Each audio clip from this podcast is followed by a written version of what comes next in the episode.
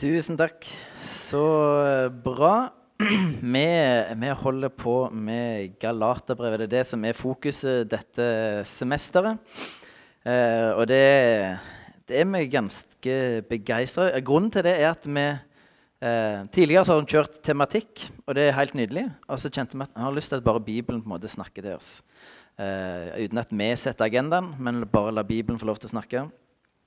Eh, og vi holdt, valgte da Galaterbrevet. Og det er et eh, fantastisk brev. Forrige gudstjeneste begynte Arve. Han, han eh, introduserte det, han fortalte om bakgrunnen og liksom essensen i det. Eh, hvis du ikke har hørt den eh, talen, så vil jeg anbefale det. det ligger på nettsida eller på Spotify og på iTunes. Eh, og i dag skal vi gå litt videre på det han snakket om. Eh, nemlig om vi blir rettferdiggjort ved tru eller ved loven. Eh, og Galaterbrevet er, er et fantastisk brev. Noen har sagt det, satt det litt på spissen. Men hadde det ikke vært for Galaterbrevet, så hadde vi feirt gudstjenester i synagoger. Eh, det er satt litt på spissen, men er et, det er et poeng i det. Eh, for Paulus eh, adresserer noe veldig vesentlig eh, for oss. Eh, det, det, sier noe om hvor viktig dette brevet er. og for Paulus er dette brevet så viktig at han han fyller ikke sjargongen og måte, de rette normene for hvordan han skriver brev. Det var en sånn oppsett for hvordan skal et brev være på den tida. Og et brev skulle begynne med en sånn eh, nådehilsen, og så skulle det være innhold, eh, nei, og takksigelse, og så var det litt innhold, og så var det en fredshilsen til slutt. Liksom. Det var sjargongen i alle brev, på en måte. Eh, men Paulus, i alle andre brev omtrent til Paulus så ser du at han fyller den, det oppsettet ganske sånn slavisk. Men her så bruker han, han, han bryr seg ikke. Han har ikke han, altså, det, han har ikke tenkt å waste noe dyrebar papyrus på noe som ikke er viktig nok. For det han skal si nå, er så viktig. Eh, og så kan vi lure på hvordan altså, Paulus adresserer noen Han mener de er på villspor, egentlig. Eh, og så kan vi lure på hvordan reagerte galaterne på dette her. Eh, på brevet. Korrigerte de sin egen teologi? Eh, og det vet vi ikke. Men det at vi har dette brevet i dag, er kanskje en indikasjon på at de faktisk responderte positivt. Hvis de hadde respondert negativt, så hadde de kanskje brent opp hele brevet. eller et eller annet sånt. Så det at vi har brevet i dag, er kanskje et tegn på at de, de retta seg etter det Paulus sa til dem. Det, det vet vi ikke. Casen i Galaterbrevet er at det har kommet noen jødekristne til Galatia, og de har sagt at de må omskjære seg eh, og bli jøder hvis de skal være kristne. Altså, de må holde loven, den jødiske loven. Eh, og Det er dette Paulus reagerer veldig sterkt på.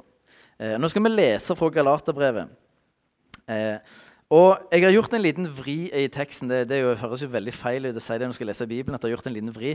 Men, men har, det, er ikke, det, er ikke, blasfemisk, jeg lover. Eh, men når, i, de, mange, i brevet til Paulus så han, eh, skriver han veldig mye om Kristus.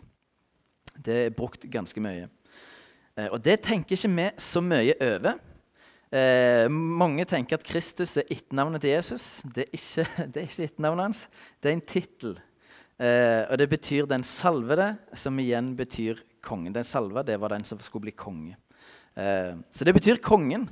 Så derfor I den teksten vi skal lese nå, så har jeg byttet Kristus med kongen. Og Det er litt for at vi skal forstå litt av perspektivet som Paulus har eh, når han skriver brevet. Så da skal vi lese eh, Vi leser fra eh, kapittel 2 skal vi lese vers 11 og til 21. Og der står det Men da Kefas kom til Antiokia eh, Her forteller Paulus litt sånn, nei, jeg, litt sånn Han har spoler litt tilbake for å forklare galaterne noe vesentlig. Men da Kefas, det er da Peter, kom til Antiokia, sa jeg imot ham rett opp i ansiktet, for oppførselen hans avslørte ham. Før det kom noen fra Jakob, spiste han sammen med de hedningkristne. Men da de kom, trakk han seg tilbake og holdt seg unna, for, redd, eh, for han var redd de omskårne. På samme måte hyklet de andre jødekristne, så til og med Barnabas ble revet med i hykleriet deres. Men da jeg så at de ikke gikk rett fram etter evangeliets sannhet, sa jeg til Kefas så alle hørte det. Når du som er jøde, ikke lever som en jøde, men som en hedning, hvordan kan du da tvinge hedningene til å leve som jøder? Vi er jøder av fødsel og ikke syndere av hedensk ett.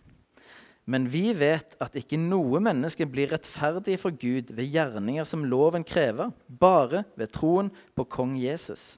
Derfor satte også vi vår lit til kong Jesus, så vi skulle bli kjent rettferdige ved troen på kongen og ikke ved lovgjerninger.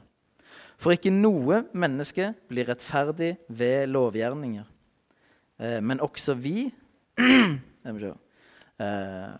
Men også men hvis også vi jøder blir stående som syndere eh, når vi vil bli rettferdige i kongen, er ikke kongen da blitt en tjener for synden? Slett ikke. For hvis jeg bygger opp igjen det jeg har revet ned, da fremstår jeg som en lovbryter.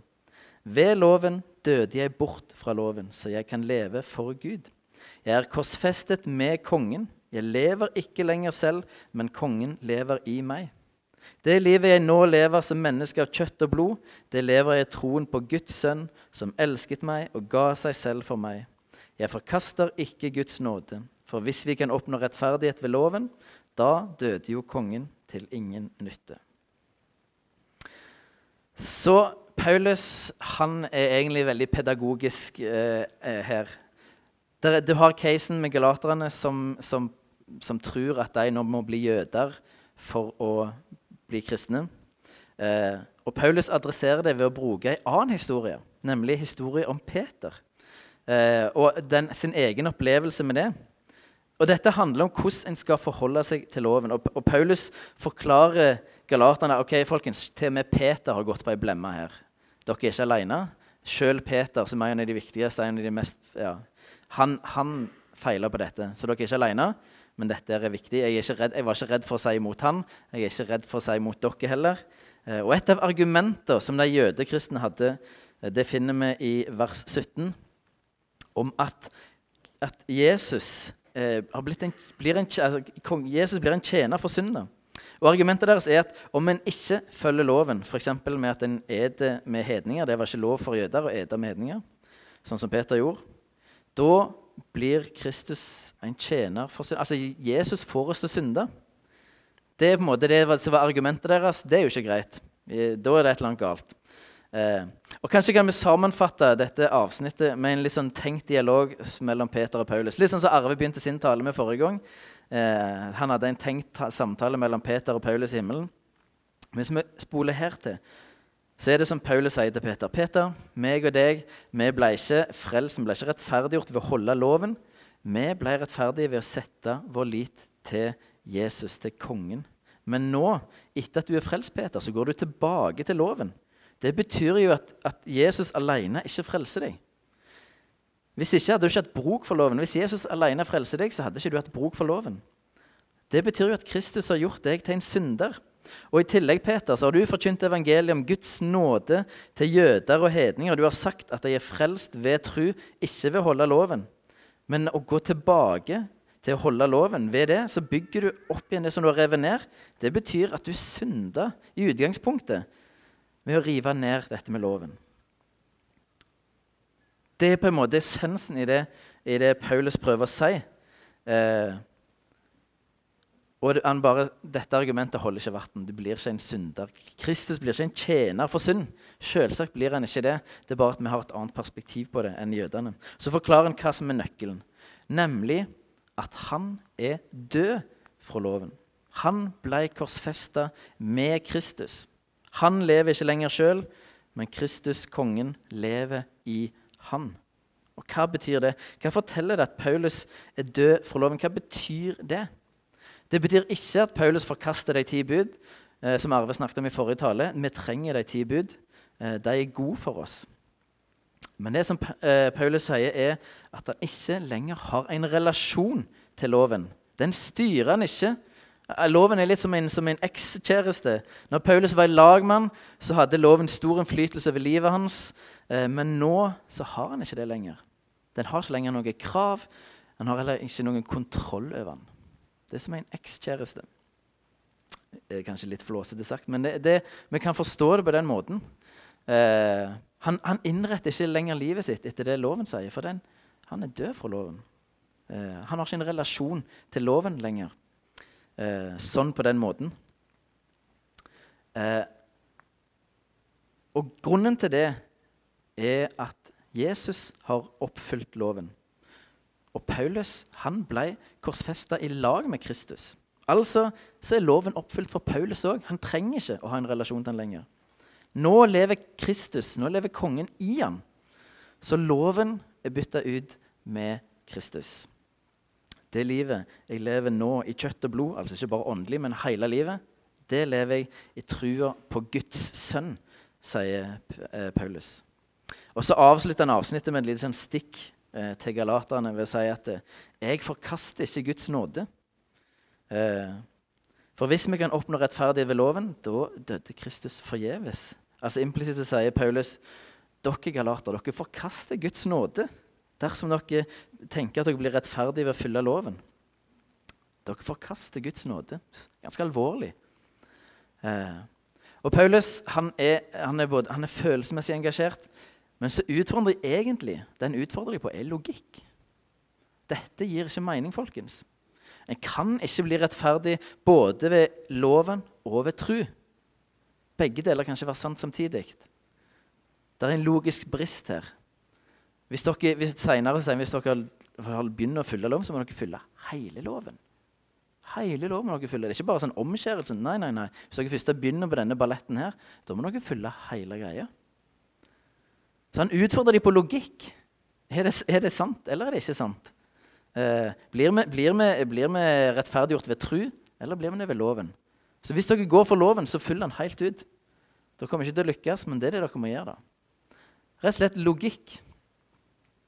Eh, og ja, da, der er, forklarer de, der er en logisk brist her. Dette, dette, går ikke opp. Dette går ikke opp. Det dere holder på med, gir ikke mening. Eh, så han appellerer både til, til følelsene deres, men òg til logikken deres. Eh, og han er klokkeklar på at det er trua som rettferdiggjør oss, ikke hva vi kan prestere. Eh, og det er utrolig nydelig. Det er, vers 16 er bare helt fantastisk fint. Vi er rettferdige med trua. Det er ikke noe vi kan prestere. Men så er det noe med at dette er noe som ligger i oss som mennesker. At eh, altså, Enten du er klar over det eller ikke, så har du et indre ønske om å rettferdiggjøre din eksistens. Ikke sikkert du er klar over det, eh, men det har du. Vise at du har verdi, at du kan bidra, at du har fortjent en plass i denne verden. Du har noe i deg som ønsker å rettferdiggjøre akkurat det. Eh, og noen av de som, personer som har sagt det aller best, er faktisk eh, Madonna. Artisten Madonna. Det skal vi, Ikke teolog, men artist. Men eh, hun har sagt noe veldig eh, interessant. Hun sier Dette var i et eh, intervju med et sånn stort magasin, Vogue eller et eller annet sånt. Min drivkraft i livet Hør drivkraft. Kommer fra frykten for å være middelmådig. Det presser meg hele tida. For selv om jeg har blitt noen, så må jeg fremdeles bevise at jeg er noen. Kampen min har aldri stoppa, og det vil den sannsynligvis aldri gjøre heller. Altså, hun, som, hun, hun, var, altså, hun, var, veldig kjent. Dette var på høyden av hennes karriere. Hun er, er megakjent, en av de mest populære artistene. Og så sier hun at det er noe i meg som driver meg. Jeg er redd for å bli middelmådig. Altså, jeg må bevise at det, min eksistens her at jeg, jeg, må rettferdiggjøre min eksistens. Det er noe som driver meg. En frykt for å ikke være noe, en frykt for å ikke være god nok, som driver meg til å måtte prestere hele tida. Det høres jo sinnssykt travelt ut. Men jeg tror ikke dette gjelder bare Madonna. Dette tror jeg gjelder meg og deg òg. Eh, hun sier det som vi alle kjenner på, at vi ønsker å rettferdiggjøre vår eksistens. Noen gjør det gjennom jobb, noen gjør det gjennom å få en karriere, noen gjør det med, gjennom familien, eller vise at det er med min familie, eller noen gjør det gjennom idrett. Eh, noen gjør det med å trene masse, noen gjør det med å se bra ut. You name it. Eh. Og du kan jo bare tenke, bare tenk etter sjøl, da. Hvis du ble satt på sidelinja i ca. fem år Du kunne ikke prestere på jobb, ikke, du, altså, du, kunne bare eksistere, men ikke bidra. Og det, det, er, måte, det er, vi, vi, mennesker er skapt til å gjøre det. Det er ikke sånn at vi er skapt til å sitte på sidelinja. Så, så, det er noe guddommelig at vi, vi, gjør noe. Men bare si hva ville det gjort med deg, din identitet, din verdi, hvordan du så på deg sjøl, at du ikke kunne bidra med noe som helst? Hva hadde det gjort med deg? Hva hadde det gjort med deg? Og kanskje når du kjenner litt på de følelsene, så kanskje kjenner du at det ligger noe i meg. Ikke bare en, en lyst til å gjøre noe, men òg noe som handler om at jeg må, jeg må, rettferdiggjøre at jeg faktisk er her. Eh, det var en, en, en uh, hekkeløper dette var, jeg tror det var på 70-tallet, som sa det at uh, når, når, når, uh, når, den, når, den, startpistolen går, så har jeg, jeg har noen sekunder på å bevise min rett til å eksistere. Min eksistens. Det var hans perspektiv på det. Når det, når det startskuddet går, så har jeg noen sekunder på å bevise min eksistens, min rett til å være her i verden. Det er interessant. Eh, og po Poenget her er at dette, eh, dette flytter vi òg over til, til, Gud fort. Til vår, til, altså, til vår rettferdige Altså vi prøver å rettferdiggjøre vår eksistens overfor Gud òg. Eh, kanskje eh, tenker vi at ja, men jeg gjør jo noe bra, eh, og så må Gud fikse det jeg ikke klarer. Ja, greit, jeg er ikke helt perfekt. Det er, er, noen ting i livet mitt, så Gud kan fikse det jeg ikke klarer sjøl, og så fikser jeg det jeg klarer sjøl. Så, så, samarbeider vi om rettferdiggjøre min eksistens. Vi, rett, vi, samarbeider om frelsen. Det er en god deal. Vi, vi gjør jo tross alt noe sjøl. Altså, hallo, jeg går i kirka, jeg leser Bibelen av og til. Jeg gir penger av og til til de som trenger. Så det er jo ikke alt Gud trenger frelse. sant? Jeg kan jo varme litt, jeg òg. Så kan han ta det som jeg ikke får til. Det høres, høres, kanskje fjernt ut, men jeg tror ikke det er så fjernt i vår altså, ligger, Jeg tror det fort kan ligge noe sånt i vår underbevissthet, fordi vi er mennesker. Er, vi er mennesker. Og Det er noe av det Bibelen snakker om, at, at korset er en snublestein. Og det handler jo del, altså, Jeg tror det handler mye om at her er det noe vi ikke kan gjøre sjøl. Vi er helt avhengig av noen andre. Dette har ikke noe med meg å gjøre. Jeg må, jeg må bare gi opp og si at jeg trenger deg, Gud. 100 eh. Og jeg tror kanskje vi prøver å bidra til frelsen av og til, til å bli rettferdiggjort. Og Derfor er det et enormt viktig punkt i at vi skal bli rettferdiggjort, at vi skal bli frelst, er at meg og deg erkjenner og bekjenner at vi ikke kan gjøre noe for å bidra til frelsen. Den handler ikke om mitt bidrag i det hele tatt. Eh. Og vi må slutte å prøve å rettferdiggjøre oss sjøl. Eh, for det er, det er, en enormt stor frihet i det. Å bare innrømme, erkjenne og bekjenne og si ja, jeg har faktisk ingenting jeg kan bidra med. Dette er kun deg, Gud. Dette er 100 deg. Jeg har ingenting jeg kan bidra med. Min karriere eller min flotte familie eller alt dette her, alle gode ting, det har faktisk ingenting å si. Eh, eh, noen som har sagt Jeg husker ikke helt hvem, men, men, det er ikke sånn at Jesus bare, bare tok svineriet vårt. Han tok hele svinet. Eh, altså, Det er noe helt dypest sett i oss. Det er ikke sånn at Jesus bare dealer med noen ting som gjør galt. Nei, nei, Han vil helt til kjernen. Han må, gjøre, han må få gjøre alt. Han må faktisk gjøre alt.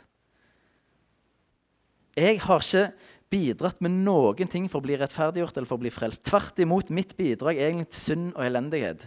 Eh, som Paulus skriver, vi, vi blir frelst ved tru, ikke gjerninger. Og det var ikke sånn at Paul skriver eh, noe av meg ble korsfesta med Kristus. En del, en, en del, av meg, det som jeg ikke fikk til sjøl. Nei, nei. Hele meg ble korsfesta med Kristus. Helt rubbel og bit eh, ble korsfesta med Kristus. Eh, og det, det, er fantastisk. Dette er fantastisk, og så må vi omfavne det. At vi får lov til å eh, si det at ja, vet du det, Jesus, dette handler 100% om deg. Det er ingenting jeg kan gjøre i dette. her. Eh, og så sier Paulus at vi blir rettferdiggjort med tru. Eh, og det, det, kjenner jeg at det tror jeg vi må si noe om. Eh, for, for, hva er tru? Det er et ord som jeg syns ikke, synes ikke det kommuniserer så, så veldig bra, egentlig. Eh, Arve brukte ordet tillit i sin tale. Det, det, det er et mye bedre ord. Eh, men min opplevelse og nå kan dere være uenige i dette, og det er helt greit, men min opplevelse er at, at det å tro på Jesus det, det vi legger i det begrepet i, i dag, i vår kultur, er at vi, vi gir vår tilslutning til noen sannheter. Eh, altså noe som skjer i tanken vår. En gir sin tilslutning til at jeg har synda, at jeg trenger tilgivelse, og at Jesus har dødd for mine synder. Eh, og tro er da å angre og tenke de rette tingene om Jesus. Eh, det er min opplevelse. Det er, det er, ikke, det er ikke, sikkert jeg treffer 100% men det er litt sånn min opplevelse. Eh, at det, det, er litt sånn, sånn vi forholder oss til tro. Det er noe intellektuelt, noe som skjer i tanken vår. Eh, og Hvis du hadde sagt det til en jøde på Jesu tid, så hadde han eh, stått der som et stort spørsmålstegn. Hva er, du, hva er du mener med dette? At det er noe vi tenker? Eh, jeg skal forklare hvorfor. Ja, der kom den. Det greske ordet for tru nå, blir, Det blir ikke veldig teknisk, men bare forklare litt. Det er pistis. Og det blir i all hovedsak oversatt med tru, tillit, truskap eller lojalitet og trofasthet. Det er liksom hovedsakelig de som blir brukt. Og som regel, i ordet i seg sjøl betyr tru eller tillit. Men det er et men. Og det er at ordet må ses i sin sammenheng, i sin kontekst eh, i forhold til hvordan en skal oversette det. Og Jesus snakker om tro, bl.a. Nå skal jeg vise dere, nei, Dette er veldig interessant. Eh, Jesus sier i Markus 1 og vers 14-15 eh, står det at etter at Johannes var blitt fengsla, kom Jesus til Galilea, forkynte Guds evangelium og sa:" Tida er inne, Guds rike kom kommet nær. Vend om og tru på evangeliet. Det som er enormt interessant, er at eh, Josefus en jødisk general og historiker han forteller noe veldig interessant. Han levde rundt eh, slutten av eh, rundt 60 år etter Kristus. Eh, og han var kommandant for en jødisk styrke. Og Så får han høre at det er noen opprørere i Galilea som tenker å ta livet av han sjøl. Fordi han, er, han, har begynt å tenke at kanskje det er best at bare romerne får lov til å, at vi joiner romerne. Eh, så det er, der er en gruppe som har tenkt å ta livet av han. og så Eh, går han til det steget at han, han går og snakker med den led, opprørslederen. Eh, og det som Josefus sier til denne opprørslederen, eh, det er Omvend deg og tru på meg. Det er det han sier til ham. Akkurat det samme som Jesus sier. Omvend deg og tru på meg. Og hva legger Josefus i det? At han skal angre at han har gjort noe galt og tenke de rette ting om Josefus? Er det det han mener? Tenk de rette tingene om meg. Tvilsomt. Hva hjelper det Josefus? Ingenting. Eh, det er selvsagt ikke det han sier, og det er heller ikke det Jesus sier. Ordet omvendelse på gresk det er metanoia. Det betyr en endring i tanke og sinn. Så det Josefus egentlig sier til denne opprørslederen, er eh, gi opp din egen agenda og vis truskap mot meg og min agenda. Det er det han sier. Eh, det er det som gir mening. Det er det vi må oversette eh, pistis tru med. Det må bli truskap. Og jeg tror Det er det samme som Jesus sier. Gi opp din egen agenda. Vis truskap mot meg og min agenda. Eh, og jeg vet ikke Når vi, når vi leste den hovedteksten, når du la merke til hvor mange ganger det sto altså Jeg hadde satt inn ordet 'konge', altså Kristus, i teksten som jeg leste. Eh, og Det som er greia, er at evangeliet det er en kongelig proklamasjon. Uh, og hva er det en konge ønsker? Ønsker han at du skal tenke de rette ting om han? Eh, er det at du skal ha tillit til han? Ja, det nærmer oss noe. At du skal tenke de rette tingene, tror jeg ikke en konge er så veldig interessert i. Eh, han er aller mest interessert i din lojalitet og din truskap. Det, truskap er egentlig det samme som tillit over lang tid. ikke sant? Eh, det er truskap. Det er jo den kongen interessert i. Nå forstår ikke vi helt konge. Sant? Vår konge han åpner bruer og tunneler. stort sett det, han gjør. Så vi forstår jo ikke helt kongeterminologien her. Eh, hvis, hvis, hvis, du tenker til middelalderen, da. Tenk deg der er en konge. Eh, eh, og så er det noen som ikke viser truskap til kongen. Hva vil kongen gjøre da? Jo, han vil eh, i beste fall sparke dem ut av landet, i verste fall hive dem i fengsel, eller aller verste fall ta livet av dem. For en konge er helt avhengig av at du viser at, altså Hvis ikke folk viser lojalitet og tro mot kongen, så har han et problem. Det må han jo deale med. Eh, Så når ordet pistis, altså det som er stort sett oversettet med tro, blir brukt i sammenheng med evangeliet som en kongelig proklamasjon, og at Jesus er konge, så bør det egentlig oversettes med truskap. Dette, er, dette har jeg ikke kommet på selv. Dette er en professor i teologi som heter Matthew Bates, som har skrevet en bok om dette, her, eh, som er verdt å lese. Eh, men det er veldig interessant, for det, eh, med, med, med, det er forskjell på å tenke de rette ting om Jesus og vise han truskap. Eh, kanskje vi kan forklare det bedre med, med, fotball. Hvor mange vil si de er Hødd-tilhengere? Opp med hånden, de som sier de er, ja. Noen kanskje mer enn andre. Ja, Noen er litt sånn tja. Uh, altså, hvis du er en Hødd-tilhenger, så har du gitt din lojalitet og din truskap til Hødd. Det betyr at du går ikke på en Hødd-kamp med en ÅFK-drakt. Er ÅFK den verste rivalen? Ja, ja det var klart ja. Da, du går ikke, sant? Da går du ikke på kamp med en ÅFK-drakt hvis du er en Hødd-tilhenger. Det er jo nesten verre enn å banne i kirka. Eh, det gjør du bare ikke. Uh, og det betyr at du bytter heller ikke lag. Altså, Er du Hud-supporter, så er du Hud-supporter. Du lurer sagt det om fotballag. Altså, du kan gjerne skifte bil og hus og til og med ektefelle, men du skifter ikke fotballag. Det gjør du bare ikke. så det betyr at hvis du er Hud-tilhenger, så er du Hud-tilhenger. Da viser du truskap, og da skifter du ikke lag i morgen. Nei, nå, jeg, eh, nå holder jeg med Kongsvinger, liksom. Du gjør ikke det. Er du Hødd-supporter, så viser du truskap og lojalitet mot Hødd. Det handler om en dedikasjon. Du engasjerer deg i Hødd. Eh, å være Hødd-lenger er ikke noe som handler om å akseptere noen sannheter om Hødd. Det, kan, det kan sikkert mange folk si ja, Hødd er sikkert et bra fotballag. det. Det gjør det ikke til en Hødd-supporter. Eh, det hjelper ikke å tenke de rette ting om Hødd. Det handler om truskap, det handler om lojalitet. Du er committa, du har gitt deg til noe. Er dere med? Det er, det er, det er tru vi snakker om. Det er tru vi snakker om. Truskap. Du har gitt deg sjøl til noe. Det betyr at du, hvis du er Hud-supporter, så går du ikke på kamp fordi du må. Du går fordi du er Hud-supporter, fordi du vil.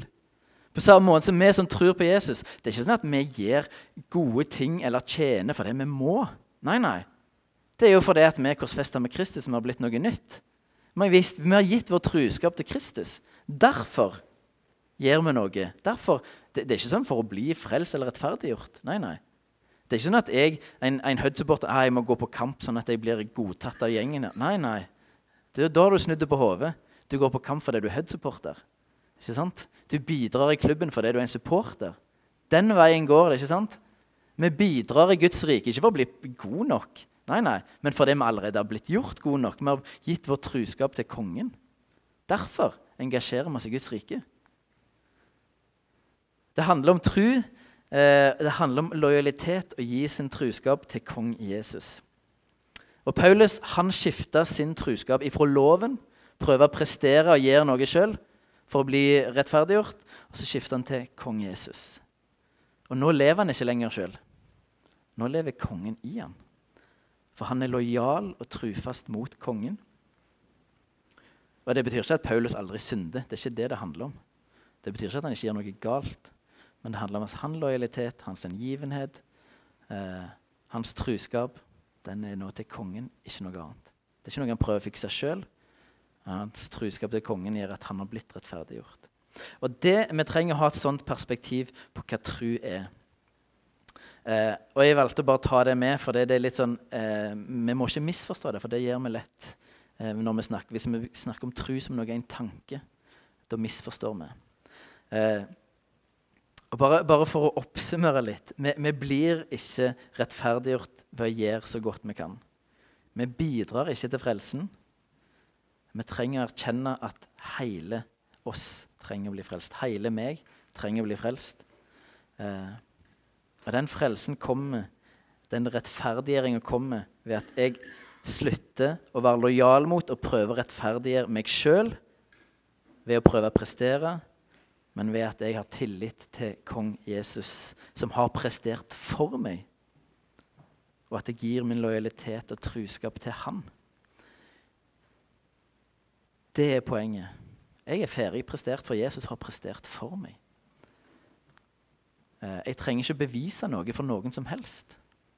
For Jesus har bevist min verdi. Han har rettferdiggjort meg. Jeg kan få lov til å gi min tillit til han eh, og min truskap og lojalitet til Jesus. Jeg har lyst til En sånn en nydelig illustrasjon synes jeg da, i, i, i Gammeltestamentet eh, med David. Han, eh, han eh, ble jo konge etter Saul. Og Saul hadde en sønn som het Jonathan, og David og Jonathan fikk et veldig nært bånd. Eh, egentlig så var det jo Jonathan som skulle bli den nye kongen, men han velger sjøl å bare Nei, da, jeg, jeg, tror du, du er til konge, David. Eh, og så har de et enormt tett bånd, og de gir ei pakt. Eh, Jonathan sier, eh, eh, sier at eh, hvis en av oss dør, så skal den andre sørge for å ta seg av ungene og familien til den som dør. for det som var greia, var at på den tida hvis, eh, som, Når David ble konge, det som vanligvis skjedde når det kom en ny konge, var at en tok livet av hele slekta til den forrige kongen. For å være sikker på at ikke noen gjorde opprør eller prøvde å komme til makten. eller eller. Det var på en måte, det høres grusomt ut, men det var logisk tenkning. Eh, og så har Jonathan en sønn. Eh, Jonathan dør, eh, men han har en sønn som heter Mefibosjet. Eh, og når David ble gjort til konge, så ble familien hans så redde at eh, hun som var på en måte barnepass for Mefibosjet når han var liten, hun sprang av gårde med han, og så mista hun han, og så datt han i bakken, og så ble han lam eh, i begge beina. Og så sier David til liksom, Han sitter, har blitt konge, og nå har han blitt konge over hele Israel. så sier han, Er det noen igjen i, i Jonathans slekt som jeg kan vise godhet mot? Og så ja, der er én. Mefibosjet. Og så eh, sier David få han her til. Få han her til. Og så, og så eh, sier han til Mefibosjet Og jeg ser for meg Mefibosjet er livredd når han blir innkalt til kongen. Eh, nå, skal jeg, nå, skal jeg, dø. Eh, det ville vært det naturlige. Eh, og så sier David til henne at eh, du skal få tilbake alt landet som har blitt tatt fra de slekt. Og jeg vil at du skal sitte ved mitt bord og ete hver eneste dag. Eh, og Mefiboset, han var lam. Så det vil, han, han, han må bli båret til kongens bord hver eneste dag.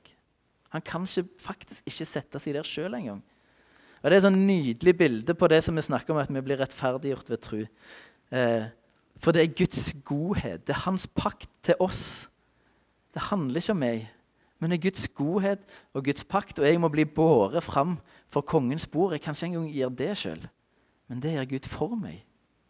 Jeg er ferdig prestert. Jeg kan ikke prestere. Mefiboset kunne ikke prestere når jeg var lam. Og Vi trenger ikke at det er tilfellet for oss òg. Og vi trenger ikke, men vi, bli, vi blir båren fram til kongens bord og får lov til å ha fellesskap med kongenes konge hver eneste dag. Eh, og det tror jeg er det som Paul snakker om her. Det, det er poenget her. Eh, det er Guds godhet og hans pakt, og at han ikke bryter sin pakt med oss fordi han er Gud, han er trufast. Eh, han har vist oss truskap først. Og så kan vi gi vår truskap til han som en respons på hans truskap til oss. Eh, og Det syns jeg er helt nydelig. Jeg har noen refleksjonsspørsmål som jeg vil du skal bare tenke litt igjennom. Eh, prøver du å rettferdiggjøre deg sjøl? I så fall, hvordan gjør du det? Altså, er det noe i deg som, som du kjenner ja, men jeg, der, Kanskje er det noe her som er Jobben har blitt så fryktelig viktig for meg. Er det noe sånn, Prøver jeg å bevise noe med det? Prøver jeg å bevise at jeg er god? Jeg Bare tenk litt igjennom. Eh, prøver du å bidra til frelsen ved å prestere sjøl? Ser du på det som et samarbeid mellom deg og Gud? Eh, er det noe du tenker at ja, men dette er jo noe, mitt bidrag inn i dette? her? Uh, og til slutt har du gitt din tillit og truskap til kong Jesus? Er det han du setter din lit til? Er det han du har gitt din truskap til? Eller er det noe annet? Jeg ser ikke fordi jeg mistenker noen, for, men tenk litt igjennom. Hvem, hvem har fått din truskap, din lojalitet og din tillit?